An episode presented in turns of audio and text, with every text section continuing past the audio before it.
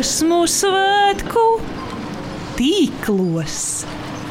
Dziesmu svētku tīklos. Dziesmu svētku pētniecības raidījums trešdienās, pulkstens 17. Raida Naba.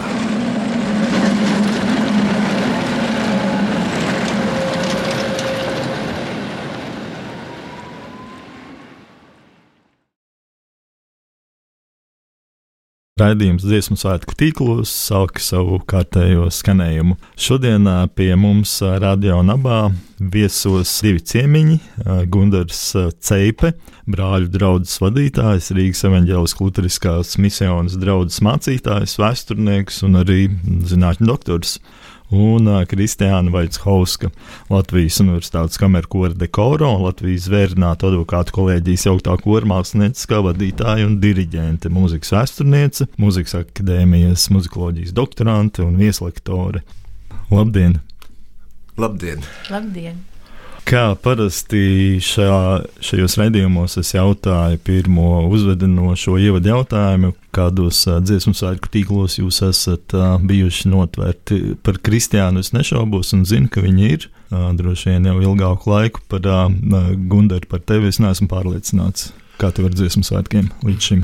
Nu, es domāju, ka man ir labi ar dziesmu svētkiem. Man viņi ļoti patīkās. Un... Es kāpēc tagad uzreiz to 73. gada, 1973. gada dziesmu svētkus atcerējos, kurus es kaut kāds septiņgadīgs puika apmeklēju. Kaut kas tāds, tas lielais nospiedums ir palicis. Nu, tad tālāk es tādā nu, akadēmiskā, pētnieciskā ceļā no citas puses es esmu nācis pie viņiem klāt. Tā tad koros tu neizdziedāsi, es nojaušu. Nē, Kristiāna īsumā par uh, savu pieredzi un ceļu? Īsumā. Īsumā es domāju, ka es atceros, uh, ka bija, tas bija 19. gada dziesmu svētki, jo tās varētu būt viens no pirmajām atmiņām. Un vispār tas laiks, ne, kad tur uh, Baltijas ceļš, nu pat, un, un tālāk tur pēc tam barikāžu laiks. Es atceros, mums ģimene nu, tāda pietiekami patriotiskā garā. Nu, vispār, protams, kurš, kurš gan tajā laikā nebija tāds, bet Nu, tas man tāds ļoti spēcīgs vispār tas laiks atmiņā ir palicis tieši tādā sajūtu ziņā. Es varbūt neatceros, protams, tur repertuāra nianses un kaut kādas šādas lietas, bet tas bija um, sēdēšana zālītē, līdzi paņemtās uh, kotletes un termos un, un kaut kas tāds, kas ar, saistās ļoti, ļoti ar ģimeni. Un tad jau ir uh, droši vien nākamais etaps, kad es piedalījos kā dalībnieks kas bija 2003. gads, kad es mācījos Rīgas domu korskolā, dziedāju meiteņu korī un arī jauniešu korī balsis. Un tad ir noslēdzošais etaps, kas turpinās joprojām, ir, kad es startēju jau kā, kā koru vadītājs, diriģents.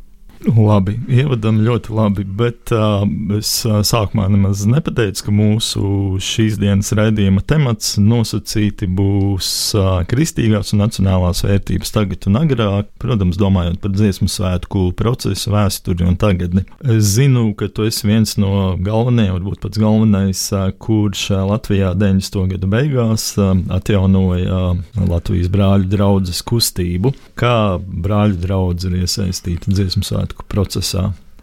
Jā, nu, patiesībā nu, caur to brāļa draugu es arī esmu pienācis klāt pie šī te un tādu. Laikam mazu ekskursu vēsturē, jo tā ir vienmēr, kā saka, es ar to saskaros un zinu, cik cilvēki ir nezinoši, kā tas padomju rullis ir, saka, pārrullējis pāri un izēdis visas atmiņas un saprašanas par to, ka tas kaut kur reducējās uz oliņietu un kaut kādiem mērnieku laikiem tā brāļa draugs. Bet tā ir reāli viena no pašām lielākajām garīgajām atmodām pasaules vēsturē, kura ir notikusi un kuras rezultātā galu galā no šī garīgā sakustējuma ir eh, divas nacionālas valsts izveidojušās - Latvija un Igaunija. Un, lai runājot par to saistību ar dziesmu svētkiem, tas ir tā, ka, nu, teiksim, tagad Rīgā tā Daugava mums liela, varana plūst cauri, bet kaut kur tur, kur viņi sākās, ir kaut kāds viens avotiņš, tas, tas iesākuma punkts. Un eh, tas arī tas 18. gadsimtā, tā 1739. gada at, atmoda, ir tas, nu, tāds, nu, tas patiesībā milzīgs sprādziens, bija tāds, tāds nu, nezinu, tur tā kā simt tūkstoši atombummas, kaut kas tāds garīgs izmainījās visā vidzemē cilvēkos. Un no turienes nāk ļoti daudzas uh, tradīcijas vai tādas zīmes, ko mēs saucam par savu identitāti, par savu mentalitāti, tieši attiecībā uz, uz šo kustību, kas nu, priekšgalā garīgi bija sabiedrībai, un tas ir tas arī stāsts par to, ka, ja kaut kādas sabiedrības kaut, nu, kaut 5% kaut kādā virzienā iet, tad, teiksim, kaut kādā veidā tie citi pavelkās līdzi. Tas, protams, process cauru gadu simteņiem ir noticis, bet nu, tur tas sākums ir. Un arī plus eh, brāļa draudzē nu, izteiktas, izkoptas dziedāšanas, visādas tradīcijas, visādas liturģijas, daudzbalsīgas, un tas viss arī šeit vidzemē ir noticis. Ka viņi nāca uz sajiešanām, jo līdz tam, eh, līdz šeit atmodai, tur ir vizitācija dokumenti baznīcās, Kampenhausena vadītājs 1700 laikam arī pat, vai ne 30 99. gadā tas bija. Apraksta, ka tā muzikalitāte ir tāda, ka tur, nu, apmēram, ka tur tā kā viņš saka, kā kūtī sajūta, ka viens beidz, otrs sāk, un, un tā tādiem skarbiem vārdiem to profesors Straube mēdz minēt šo piemēru. Bet tad jau arī visa šī kustība tātad ar lielu dziedāšanu gāja, tika latviešu tulkots un rakstīts dziesmas par 18. gadsimtu. Es runāju par Valmieru Jērkalnu, kas bija tas epicentrs. Un, piemēram, tad, kad iesvētīja šo jērkalna ansambli, kas ir pretī vidzemes augstskolai, tādā skaistā kalnā stāvā krastā, tad kantāti e, sarakstīja Tagad ne, neminēšu uzvārdu ar B burtu, lai nepateiktu nepareizi. Un, eh, un arī tad arī eh, gan eh, latviešu, gan vāciski, arī tas, teiksim, divās valodās, bet tas ir 18. gadsimts. Saka, nu, tur tas ir, man, tā ir tā mana tēma, par ko es varu tur daudz stāstīt un izvērsties, un ar prieku to daru. Tas var būt tāds caurvijošais temats. Man jautājums šajā raidījumā, kā šī laicīgā, šie laicīgie fenomeni, nu, piemēram, dziesmu svētki, iet, iet kopā ar kristīgajām vērtībām. Bet, Kristiāna, es tev jautāšu, mēs zinām, ka kopš jau pašiem sākumiem vienmēr ir bijis garīgās mūzikas koncerti. Arī pēdējos dziesmu svētkos, nu, vismaz pēdējās dažās desmitgadēs tas arī notiek, bet jā, kā cauri vēsturē gājis šis garīgo dziesmu koncerts, un varbūt ne tikai, jo dziesmas garīgas arī bija un ir arī ārpus šī īpašā koncerta. Pirmkārt, jāsaka, es neesmu tieši dziesmu svētku pētnieks. Un, uh, varbūt nedaudz smieklīgi, bet uh, es esmu visu laiku apzināti arī izvairījusies no dziesmu svēku pētīšanas. Un droši vien es esmu starp tiem daudzajiem uh, muzikologiem, kas arī ir izvairījušies, jo mēs redzam, ka mums īstenībā ļoti trūkst trūkst tādas dziesmu svētku vēstures pētniecība tieši no tāda varbūt muzikoloģijas uh, puses. Un, uh, es domāju, ka tas ir tieši saistīts ar to, ko arī Gunārs brīnišķīgi mums sniedz tādu vēsturisko diskursu par uh, par šo te, tā izcelsme nu, ļoti burtiski mēs varam skatīties, eh, no kuras puses gribam, ne tikai no vidzemes puses patiesībā, bet uh, arī no kurzemes un zemgales uh, hercogistas puses vai vēl senāk. Ja mēs runājam par tādu dziedāšanu Latvijas teritorijā, kas ir jau ārkārtīgi ar senu vēsturi. Un tāpēc es gribēju teikt, ka tā vēsture ir ļoti, ļoti sarežģīta un komplicēta un, un prasa tādu ļoti lielu iedziļināšanos varbūt ne tikai šajā tieši dziesmu svētku un dziedāšanas un, un mūzikas repertuāra ziņā, bet uh, arī citos, citos kontekstos. Bet, nu, jā, atbildot uz jautājumu par šo, šiem garīgajiem koncertiem, tā kā tas ir nācis caur šo te baznīcas dziedāšanu, un, un šis repertuārs pamatā jau viss arī bija. Tomēr tā bija sakrālā mūzika. Uzreiz pārlecot varbūt tās uz, uz tādu mūsdienu muzikoloģiju, kur parasti viens no tādiem problēmu jautājumiem ir vispār terminoloģija. Un tad uh, droši vien būtu īsti vietā šeit runāt par to, ko mēs vispār saprotam ar garīgs. Un tas noteikti ļoti, ļoti atšķirās no tā, kā tas bija dziesmu svētku pirmsākumos un kā mēs to saprotam mūsdienās. Un, uh, ja mēs runājam par pirmajiem vispārējiem latviešu dziesmu svētkiem, speciāli uzsver šo, jo tā, tā vēsture noteikti ir, uh, es teiktu, pat teju gadsimtu jau iepriekš sākusies tad uh, tur ir diezgan skaidri, ir, ir garīgs un laicīgs. Un atkal, ja mēs skatāmies vēsturiski šo terminu garīgs, no kurienes tas ir cēlies, visticamāk no vācu valodas, kur savukārt garīgs tur ir arī vairākas nozīmes, tur pat ir atšķirīgi šie vārdi. Un, uh, tas uh, viens apzīmē varbūt tādu vairāk fizisku stāvokli vai dvēselisku, un otrs ir tiešām, kas ir saistīts ar tādu kā garīgumu, ar svētā gara klātbūtni, varētu teikt. Jā, man liekas, Dievs svētīja Latviju, kuros dziesmu svētkos viņu. Šķiet jau pirmajos. Jā. Man ar tā liekas, neskapēc. Jā, vai tur skanēja gluži Latviju, bet. Nu, vai Baltiju, jā, jā, tur it kā to tur neļāva. Jā, bet, ne, bet par to nacionālo momentu arī var teikt, nu, hardhūtieši bija tie, kas latviešus sāka par, par Latviju saukt Latviju. Pirms tam nesauc Livonija, Ļifļaņģija, visādi citi termini. Un tur ir eh, tas, nu, tāds jau 18. gadsimtā par to darbu šeit, Hanhūtas arhīvā, Rancaus, tāds pirmais direktors arhīva, kas bija Ēriks von Rancaus. Tāds biezs, biezs apcerējums. Un latviešu tas skanētu dieva valstības celšana vidzemē un in- bez Onders in Letlandu, un, un, un īpaši Latvijā. Un ar to Latviju domājot to Letlandu, latviešu zemi, tos hanhūtiskos apgabalus, vai ne, ka tas gan vidzemē un Latvijā. Un, tā, un no turienes tas arī tas, ka, ka viņi sāk par, nu, par to nacionālo runājot. Kā tu teici, jā, ka tas, teiksim, nu, tā kustības sprādziens ir, un te jau tu tajā sprādzienā, nu, nezini, kā, kas tur aiziet, vai ne? Tas lielais fenomens ir, ka šī tā atmoda liela bija, ka viņa tādā degošā stāvoklī kaut kādas piecas paudzes bija līdz pat 19. gadsimta, nu, var teikt, vidum otrajai pusē, kad nu, tur ne citu iemeslu, visādi iemeslu dēļ, vai ne pasauli mainījās iekārtas, ka viņa, nu, kā saka, pazaudēja savu centrālo vietu latviešu dzīvē. Un arī pie, var teikt, tiem blakus efektiem, kā tu saki, arī tas, ka tie bija turīgākie, nu, var teikt, biznesa, latviešu kaut kāda uzņēmēja darbība no turienes sākās. Jo tad, ja apgaismots cilvēks, tad tu kaut kā laikam arī e, ne ar lepnību, bet kaut kā redzi, kad sēž, kad pļaut, kad ko darīt. Un vēl pie tiem nu, superbagātais bija tas Jānis Steinhauers, kas ir Rīgas latviešu vadītājs. Tā Ka, nu, tas arī ta- tas kaut kādā veidā nekontrastē kaut kas garīgs ar kaut ko nu, e, laicīgu. Tur tā, tā var teikt, tā drīzāk tā protestantiskā darba kultūra ir tāda, tādu mēs to varam raksturot.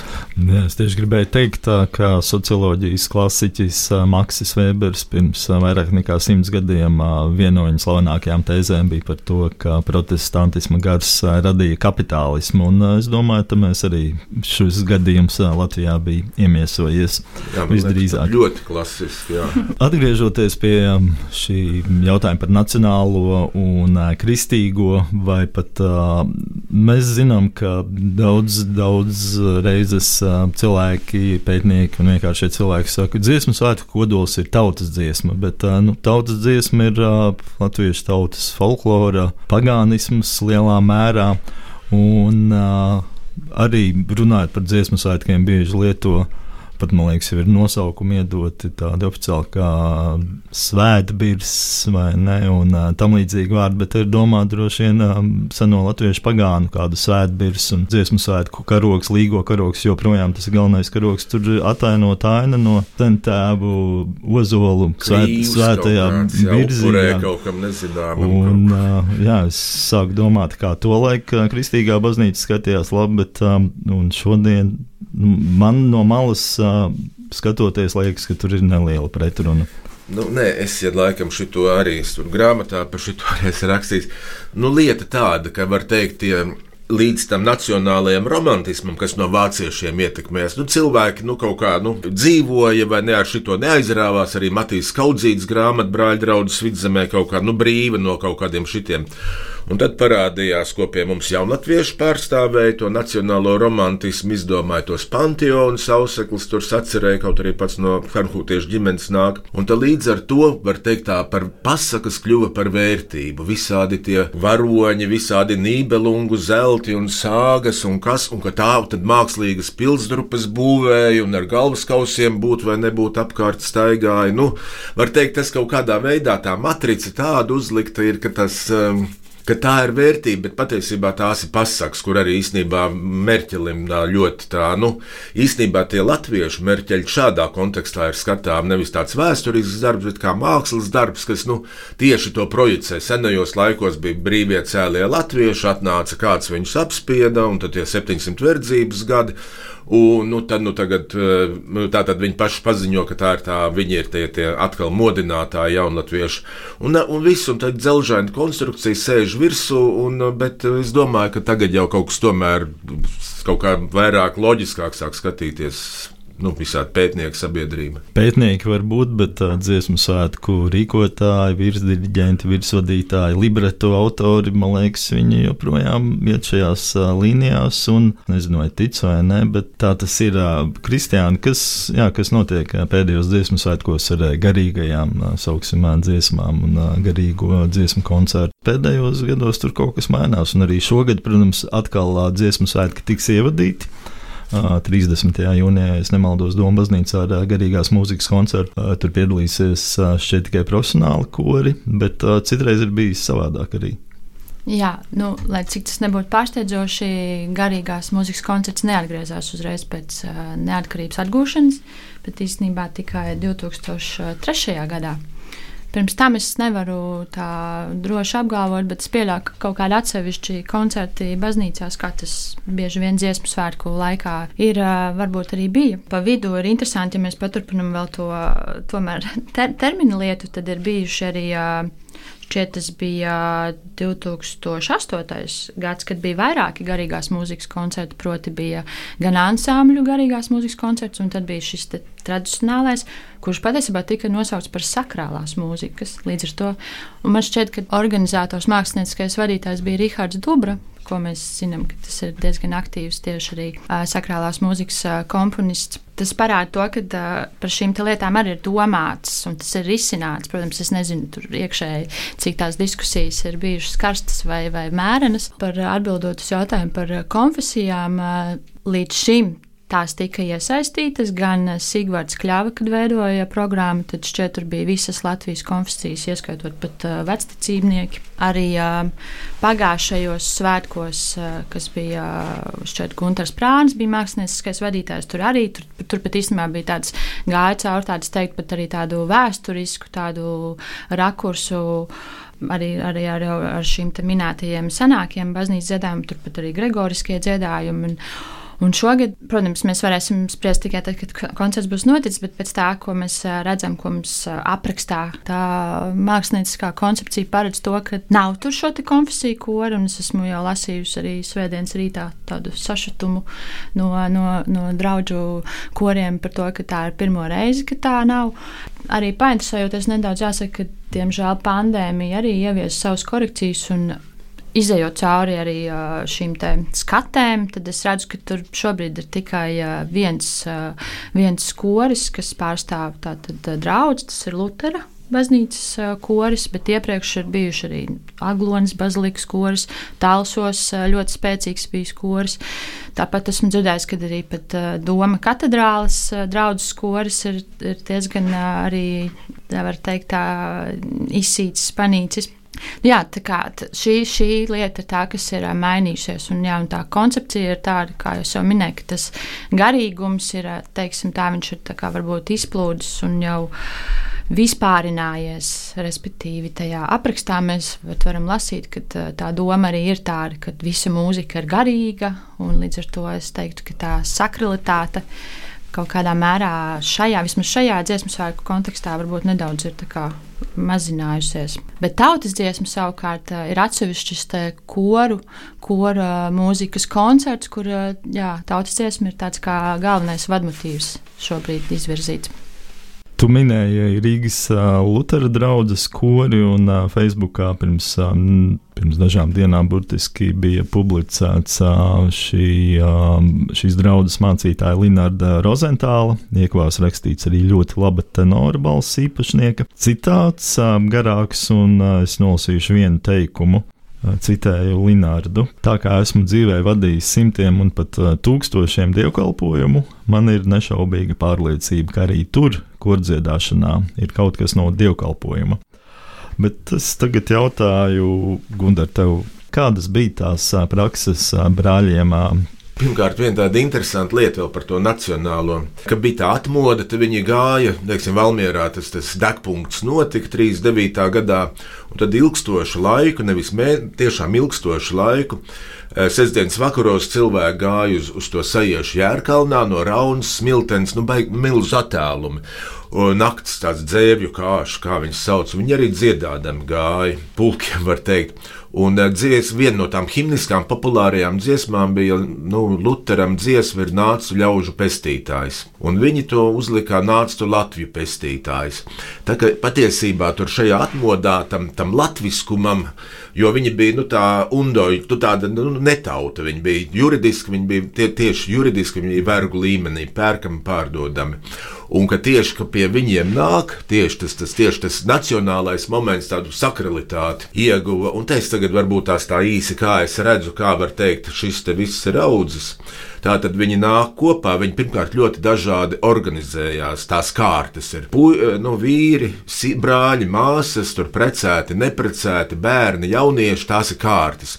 Vāciski tas ir koreni, tas ir kori, burtiski tie ir kori. Un tātad tajā kārtā viņiem ir sava iekšējā dzīve, tad viņiem, protams, arī tā, tās nu, lielās sajiešanas ir. Un uh, vasarās ir katram kārtu uh, kaut kādas uh, sajiešanas, ka tu, teiksim, neprecētie brāļi vai, vai jaunietis nāk kopā tikai ne no lielāka attāluma. Un dabiski viņi, nu, kas viņi dzied, viņi daudz dzied, vai ne? Tur arī lūdzās dzied, nu, kas notiekās, komunicē, tur tāda aizkustinoša apraksta par to ir atrodami. Un, uh, Un tā dziedāšana ir tāda, ka viņiem ir liturģijas, es neatradu, ka var sakot, teiksim, tikai vīrieši dzied, tad nu, tikai sievietes dzied, tad kopā dzied, tad vēl, nu tas ir, var teikt, tāda pilnīgi tāda sazīmēšana, nu tāda vai ne, un viņi ir kopā dzied, viņiem nav solisti nekādi, vai nu tur kaut kādi šādi mākslinieckie eh, paraugu skatījumi, un var teikt, un tā garīgi viņi visi skatās uz, nu, kā saka, uz pestītāju skatās, un tas ir tas pats korī, kas ir, vai ne, pat, nu, tur nav solisti, un tas, tas visas acis vērsts uz to diriģentu, un ar to es gribu pateikt, ka tā principā šī tā, tā tradīcija, kur dziedāšanas tradīcija ļoti no turienes cēlusies un Hernhūtē, un bija arī tādas uh, dziesmu stundas. Uh, nu, joprojām tur notiekās, arī pie mums viņas ir bijušas. Bet nu, Hernhūtē tur sanāk kopā draugi, teiksim, sestdienas vakaros tas notiekās. Un tad tiek no vairākām dziesmām panti tiek paņemti, nu, tām dziesmu grāmatas un tiek teiksim, tādā veidā kaut kā loģiski ar to pasludināts evaņģēlijs, ka visa draudzene vienā mutē to dara. Un tad tur arī tas radošais moments, ja tur, teiksim, pēkšņi ienāk dziesmā, nu, ērģelnieks nespēlē, tas tikai paši dzied. Tāda, nu, nav tāda stagnējoša, tur tāda e, brīvība. Tā kā es domāju, ka šī tradīcija bija, un tad arī, Neikens noskatījās, ka tas apmēram, nu, tā, tā, tā, tā dabīgi aizgāja.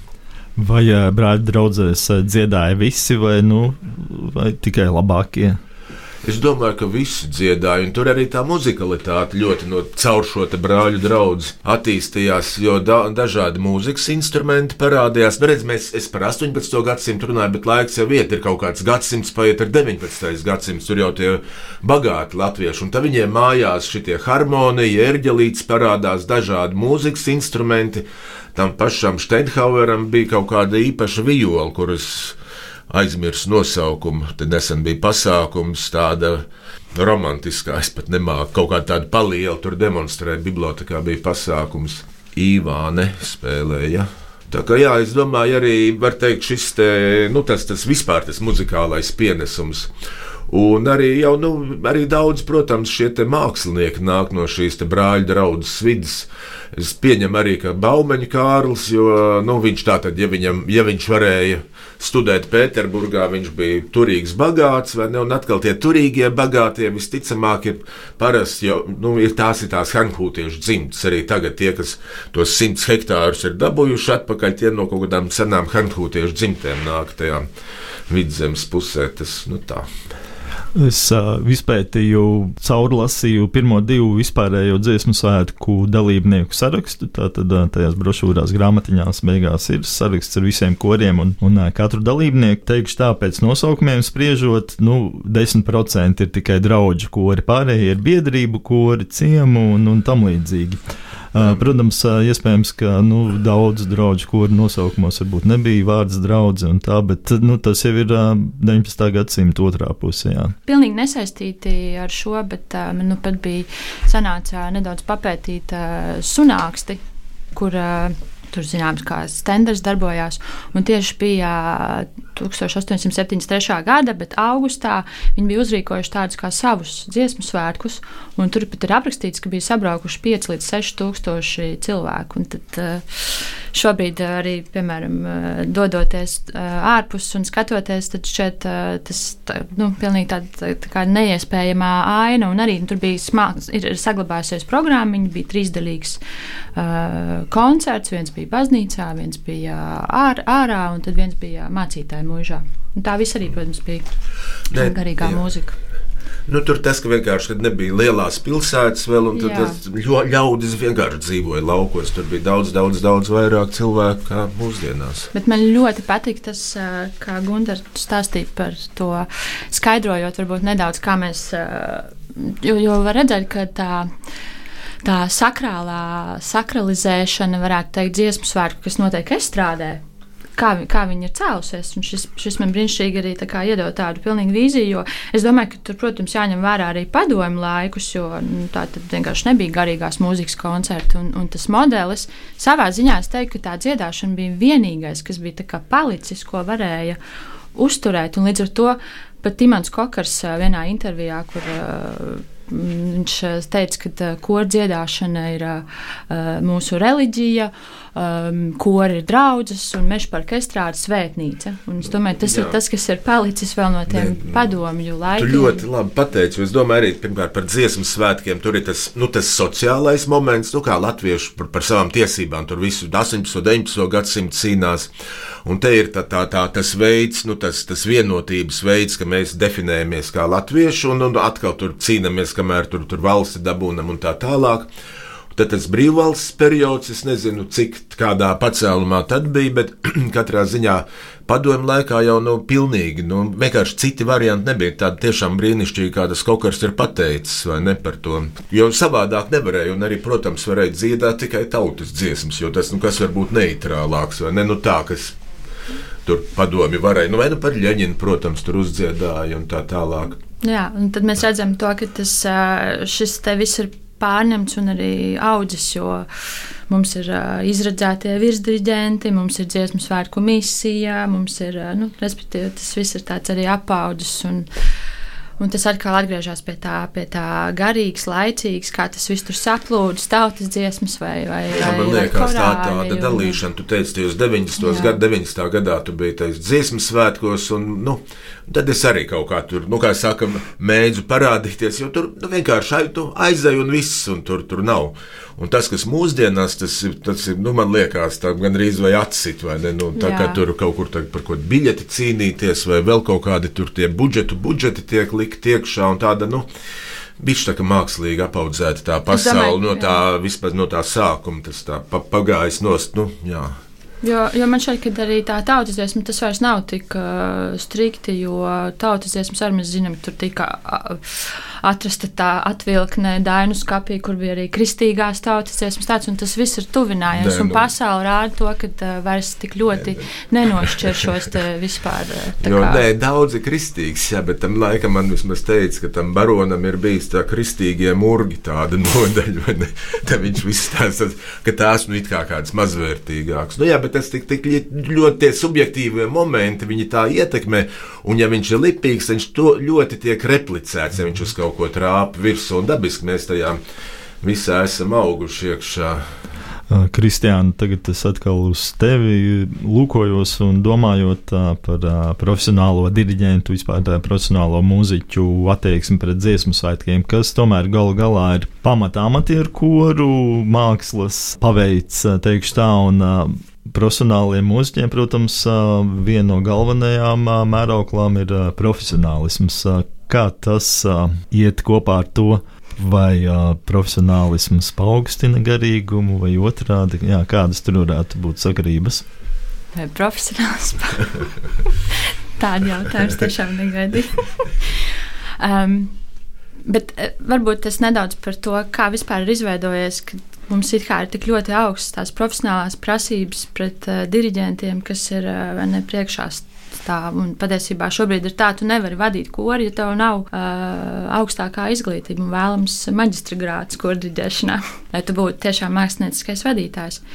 Protams, nevienmēr tā situācija ir tieši tāda iespējama, bet uh, ja, man jā, šajā brīdī droši vien jāsaka, ka īstenībā es pētu pavisam uh, specifisku periodu, specifisku periodu kormūziku, kas ir uh, otrās padomju okupācijas laiks līdz 1964. gadam. Ja, tā ir nu, pilnīgi cita aina dziesmu svētkos, kur nu, pat, pat, pat uh, lasīju tos pirmsākumus, jau kad vēl 46. gadā tur Pēlšs teica, ka nekāda dziesmu svētki nebūs. Labākajā gadījumā mēs rīkosim svētku olimpiādi, un, un, un lasot arhīvu materiālus, arī kādu brīdi mēs redzam, ka tur arī figurē šis te termins olimpiāda. Un, un 48. gada dziesmu sagos, 50. gada dziesmu sagos un tālāk. Turpat uh, bija šie elementi, un 48. gada dziesmu sagos bija boksa mači un paukošanas un svarcelšanas. Nu, tas viss nu, šobrīd šobrīd tas liekas absurdi, pilnīgi, bet, bet tā tas bija. Un tur arī es saprotu, tās, kā, kā, kā man profesora Lorita Furmana stāstīs, kā viņa atcerās tur visas tās mākslas vingrošanas mm. meža parkā, ja tur būvētās zvaigznes un, un tam līdzīgi. Bet tas, ko es gribēju teikt, ka patiesībā tāda korģēšanas katedra ir dibināta tikai 1950. gadā, papētot tieši tos protokolus sākotnēji augstskolas. Tad, diezgan nošķirts bija šie koru vadītāji. Patiesībā viņi arī bija tādi, nu, kā tas teikt, kā no, no, no iekšienes, no tās uh, tautas, teiksim tā.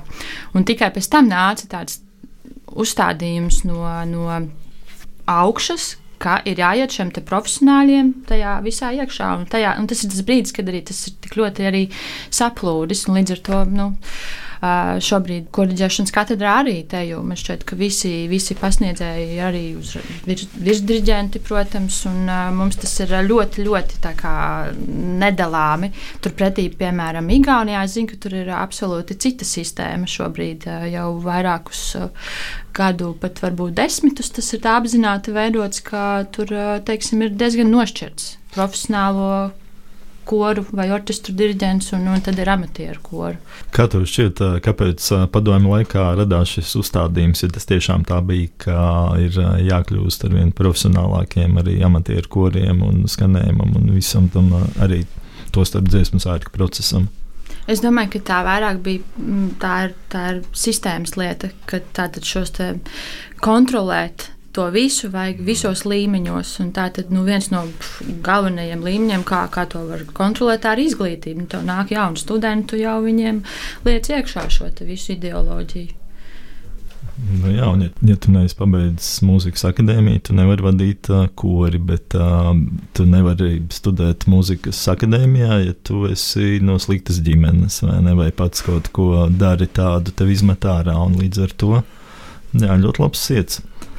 Jā, vai arī tu, piemēram, marksismā, leņķismā lekcijā nezinu, smejies un, un neklausies un, un aizēji pirms, pirms tā ir beigusies. Un, un tā, tā kā, jā. Kā varbūt jau minēju, daudz neko nezinu par ticības lietām. Man arī nav tāda dzīvē bijusi pieredze. Es diezgan tādā neticīgā ģimenē esmu uzaugusi, bet es iedomājos, ka varbūt viens otrs ticīgs cilvēks šobrīd saka tā, ka tautas dziesmas ļoti daudz izpilda dziesmu svētkos, tur ir arī ļoti pagāniskas dziesmas, un vai es kā kristietis vispār tur varu iet, un es neju tāpēc. Un tāpēc tev kā mācītājiem es jautāju, nu, tādu jā, viedokli, ko tu saki. Man ir tā, ka man, nu, saka, man arī patīk tautas dziesmas, un no bērnības dziedājis, esmu savos bērnu dārzos un tā tālāk. Tieši tāpat kā tu, man arī tā nebija tāda reliģiskā ģimene, man tas tā, nu, vēl padomju laikos, bet tā spēja notika. Bet tas ir kaut kas līdzīgs ar to, ka no nu, pārspīlē nav tā izjūta, gaumes vai kad tagad uz tām Latvijas zīmēm visur liek, visur tos tagad nu, nu, sakabina, nu, vēl uz bobiem liek, uz izlases krēkliem, un kur tik viņus vēl nu, stelē, kur vien var. Tas skots kaut kādā veidā saglabājās, un es arī tai vienā dziesmā, tam auseklim, strauji bruga, tā, tā senā pils vai ne? Un tautas dēlu uzminēja, senais mirstu dārgumu, gaismu sauc gaismu augšā, augšām ceļās gaismas pils, un tur tie koristi un daudzi asaras birst, vai ne, ka viņi tā gaismas pils ceļās augšā, bet, nu, uzminēja to senais mirsto dārgumu, un, un te ir, es uzskatu, tas pinkodiņš ir tieši šajā te garīgajā atmodā, šajā te kustībā, un, ja tā, nu, man personīgi, es pat par to rakstījis, esmu, kas ir tas, nu, tā, tā jēga dziesmu svētkiem ir ka mēs sanākam, nu, sanāk kopā, tur visi tie tautas vadoņi, labieši, un ka mēs atkal, var teikt, tur, teiksim, kā tauta, nododamies dievam, kā saka, un skaidri pasakām, ka viņš ir mūsu tur, kungs un vadītājs un vadonis, un, un ka mēs sekojam, ka tas ir tāds, nu, tur es to sakralitāti redzu, un tā es skatos, un tas var būt kaut kāds spontāns akts, var, nu, tam jābūt, kas nav tur pa minūtēm noteikti viss sarakstīts, vai ne tā programma. Un kas man patīkās tajos dziesmas svētkos, ka tur ir tas spontanitātes moments.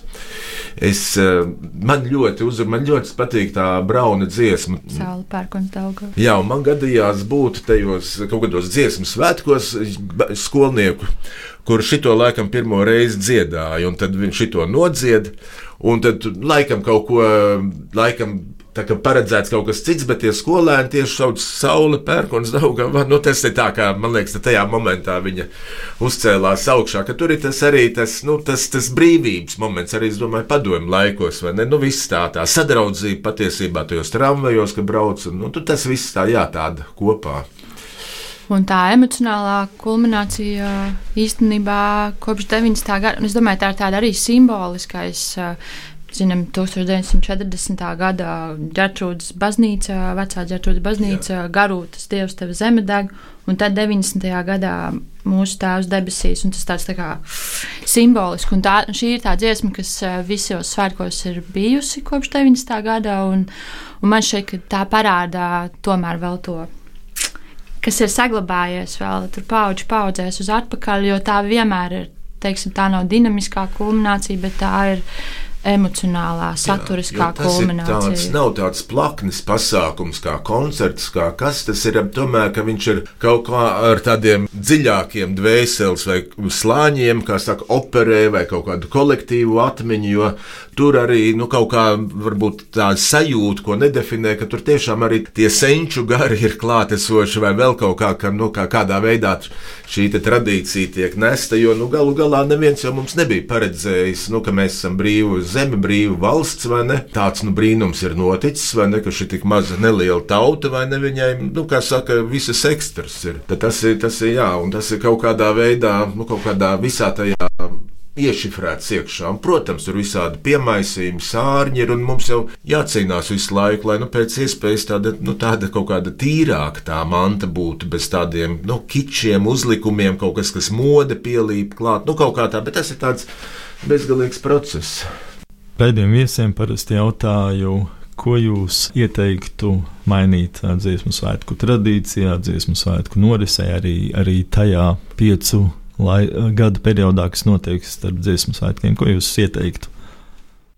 Man gribētos, gribētos varbūt, lai tas vienā vai otrā virzienā ietu uh, dziļumā, Un tas uh, dziļums varbūt varētu būt šis. Te, man šeit būtu interesanti kādos svētkos arī tomēr šo vēsturisko aspektu uh, padziļināti pacelt. Un otrs uh, dziļums ir uh, atkal no tāda mūsdienu viedokļa par šo te.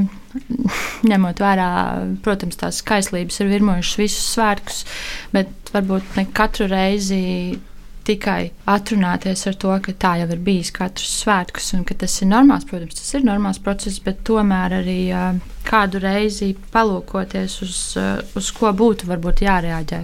Respektīvi, es domāju par to atvērtību, un arī šeit mēs arī drusku pieskārāmies par to, ka Tas ir brīnišķīgs process, kam ir man šeit milzīgs potenciāls, un šīs visas kaislības, kas ir apkārt, tās vienkārši varētu vairāk uz tādu atvērtību un, un mest nost visas šīs konceptus, kas paredz kādu varbūt ignorēt, izslēgt vai, vai kaut kādā šādā veidā. Nu, jā, šo kopību, koncentrēties uz to kopību un vienmēr uzmanīt to, lai tā tiešām iekļauj, iekļauj visus visus dalībniekus, un ne tikai dalībniekus, aktīvos dalībniekus, bet arī klausītājus.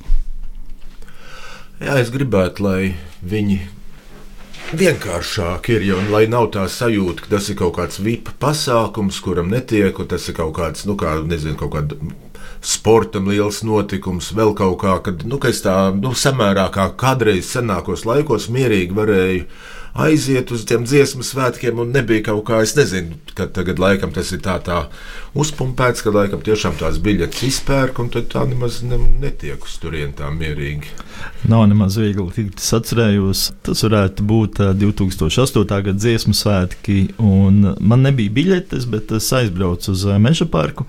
Un tad es staigāju apkārt tam žogam, tur, protams, sārgi oficiāli, un tad brīvprātīgie sargi žogu otrā pusē. Tad man, man bija tieši tā sajūta, ka tas kaut kāds VIP pasākums, kuram es, protams, nepiedaru, jo man nav, nav naudas tik daudz, vai es vienkārši nedabūju caur blatu tās biļetes. Man bija tāds nu, liels rūkums, pat ne maziņš.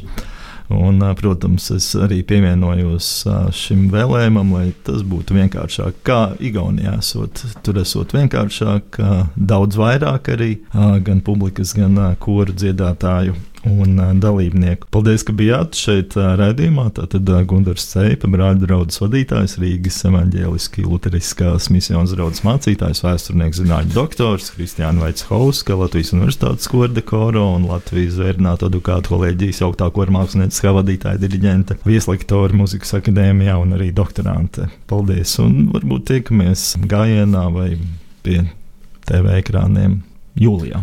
Labāk jau gājienā.